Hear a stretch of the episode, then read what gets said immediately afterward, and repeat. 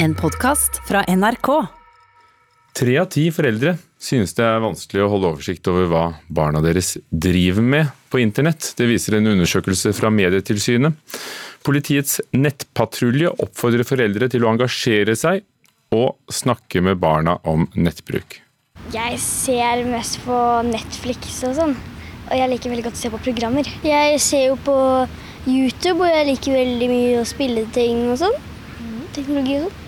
Søskenparet Cecilia og Augustin Skivoletto Knutsen er snart åtte og elleve år gamle og allerede habile nettbrukere. Og faren deres, Morten, innrømmer at det ikke alltid er like lett å ha oversikt over hva de holder på med på det store internettet. Jeg er ikke så veldig god på sosiale medier og sånn heller, men kona mi er heldigvis det. Jeg håper at hun har litt kontroll, men vi prøver da.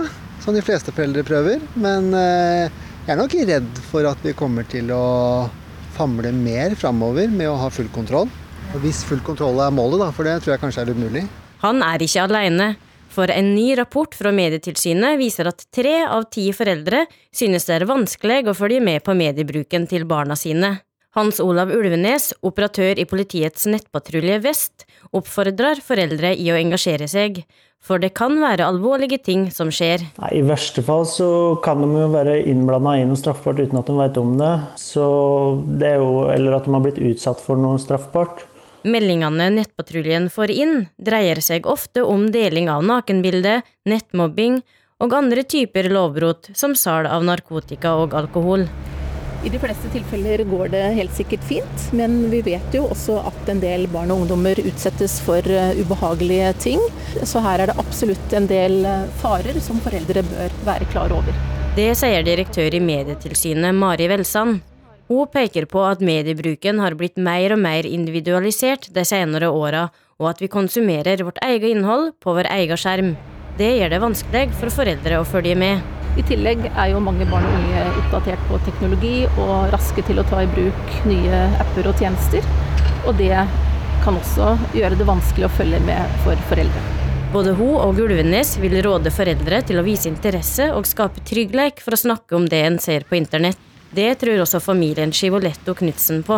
Så god dialog som mulig med barna, spesielt eldstemann igjen. Og en god foreldregruppe, veldig tett dialog oss imellom. Og også mot skole og lærere og rektor osv. Så, videre. så det er de gode, gamle tipsene tror jeg som fortsatt gjelder, da. Reporter her var Oda Elise Svelstad. Ida Lindtveit Røse, du er konstituert barne- og familieminister. Velkommen.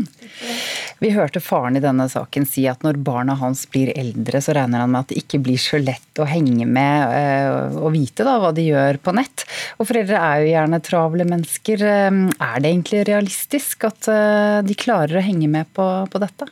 Jeg har i hvert fall veldig stor forståelse for at eh, foreldre syns det er vanskelig å henge med. Det dukker jo opp nye apper eh, hele tiden, og de unge er veldig raskt på.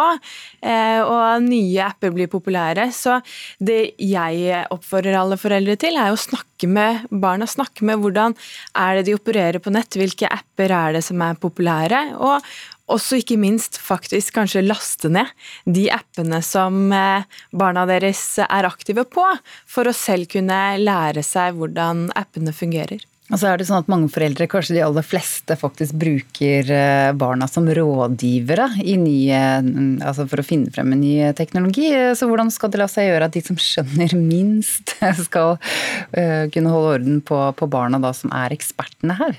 Jeg tror det viktige her er nettopp å engasjere seg og snakke med barna. Eh, og at man begynner med det tidlig, eh, sånn at ikke dette er noe man begynner med når barnet plutselig er 15 år. At man da liksom stikker hodet inn og spør hva man driver med på den PC-en. Mm. Eh, men at man begynner tidlig og har en god dialog, og, og spør ofte. For på nett så kan det jo også, som vi hørte i saken, være eh, ting som eh, barna opplever som ikke er greit. Eh, F.eks. mobbing, eller det er jo også mange som opplever å få delt bilder som man ikke er komfortabel med. Og da trenger vi trygge foreldre, foreldre som barna ønsker å prate med, og som barna tar kontakt med, sånn at man kan få slettet bilder som man ikke ønsker å ha på nett, eller få ryddet opp i vanskelige konflikter som oppstår på nett. Så jeg skjønt at du gjerne vil oppdra foreldre på ett punkt til. Eh, når foreldre har god tid, eh, sånn som nå i ferien, så er det jo mange som legger ut eh, fine bilder av barna sine på, på Facebook og andre steder. Er det greit så lenge bildene er fine? Altså, Foreldrene er jo barnas største forbilder, og hvordan foreldrene opptrer på nett, det er kjempeviktig. Eh, og mange foreldre deler jo bilder av barna sine, og jeg vil oppfordre til å tenke seg om to ganger Hvorfor når man er deler bilder av barna. Hva er problemet med å legge ut bilder av barn? Jo, fordi at hvis ikke barna har gitt samtykke til det, så ender kanskje barn opp når man er 15 år med å ha masse bilder liggende av seg på nett som man ikke var klar over. Eh, og bilder har man heller ingen eh, mulighet til å styre hva kan bli brukt til. Så man kan jo også ende opp med at bilder som man legger ut, kan bli misbrukt av andre. Så derfor så vil jeg oppfordre foreldre, og også besteforeldre, til å tenke seg om to ganger før man deler bilder av barna, og også veldig tidlig spørre spørre barna er det greit om jeg deler dette bildet. Skal sånn man spørre en toåring om det, da? Eller? Nei, det er kanskje vanskelig å spørre en toåring, men f.eks. en sjuåring vil jo ha et, eh, et, eh, en god mulighet til å kunne svare aktivt på det. Eh, og at man istedenfor å dele portrettbilder og annet, deler kanskje situasjonsbilder, gode minner, som er lettere å ha på sosiale medier enn bilder som man plutselig kan ende opp med at havner i en helt annen situasjon. Hvilke bilder er absolutt ikke greit å legge ut? Eh, bilder med stor grad av nakenhet f.eks. Eh, vil jeg eh, oppfordre til at man ikke legger ut. Også bilder eller filmer av situasjoner som kanskje kan være morsomme for foreldre i dag. F.eks. Ja, hvis barnet kan jo hende at bæsjer i badekaret eller sånt noe, som man kanskje syns er morsomt. Men hvis man legger ut det, så er ikke det så veldig kult å oppleve at ligger på nett når man er 15. Takk, Ida Lindtveit Røse, konstituert barne- og familieminister. Oh, she's a gold digger. Way over town. That digs on me. Uh. Me now, I ain't saying she a gold digger. But she ain't messing with no broke niggas. Kulturreporter Elisabeth Grøndal, hva har du tatt med deg til oss? Uh, musikk i hvert fall, som uh, får deg opp av stolen? Ja, kan få litt grann lyst til å danse og hoppe og sprette litt her. Men vet du hvem som står bak denne superhiten fra 2005, da? Nei. Det er en veldig aktuell person. Vi spiller musikken fordi jeg gjerne ville sette en stemning. Dette er Canny West fra de gode gamle tidene, da han ble stor stjerne. Eh, her hadde han det veldig gøy, og denne låten 'Golddigger' nådde toppen på Billboard-listen for 15 år siden. Men nå er det ikke så gøy lenger, tror jeg.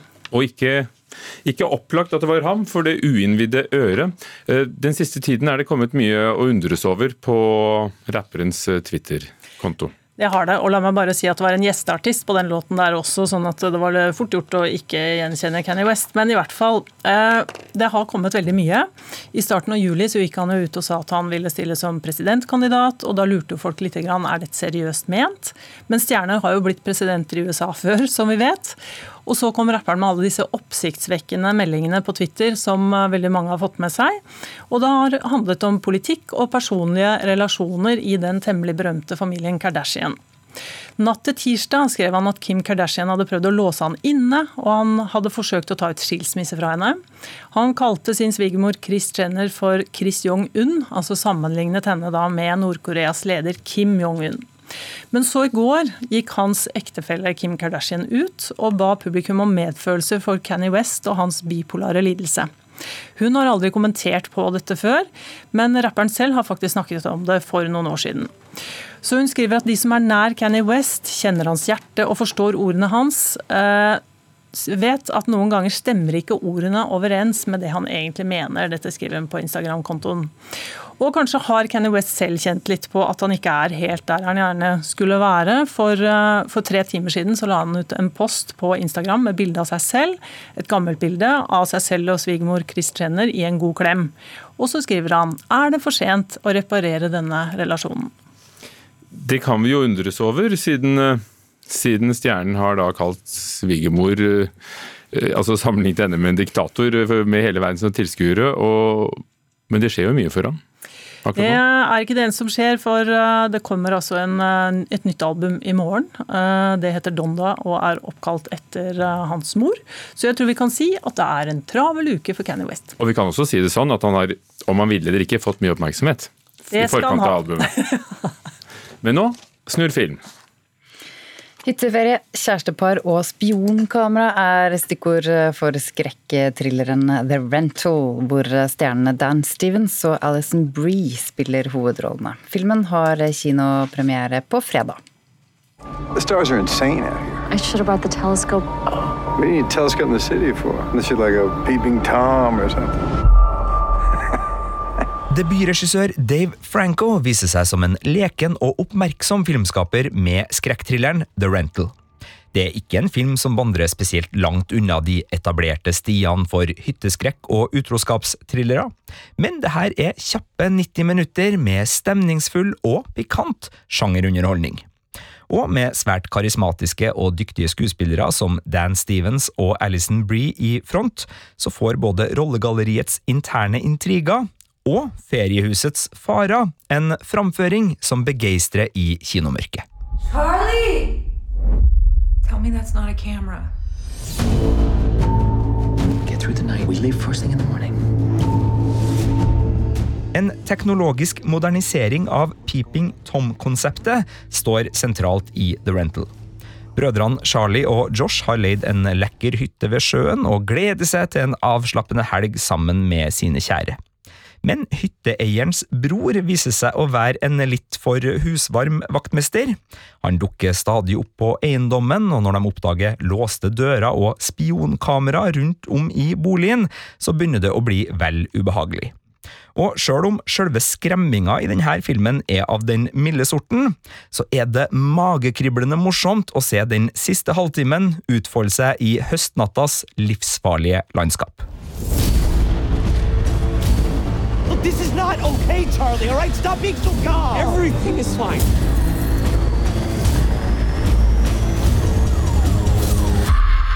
I likhet med sin storebror James Franco har Dave Franco gått fra å være foran kamera til å sitte i regissørstolen. Og han viser tegn på å være et talent med stor kjærlighet til filmen. I The Rental trekker han på dramafilmens kvaliteter med komplekse og troverdige relasjonsproblemer spilt ut av glimrende skuespillere som vi virkelig kan tro på. Dette kombineres med en selvsikker og smart bruk av skrekkfilmens stemninger, motiver og handlingsmønster.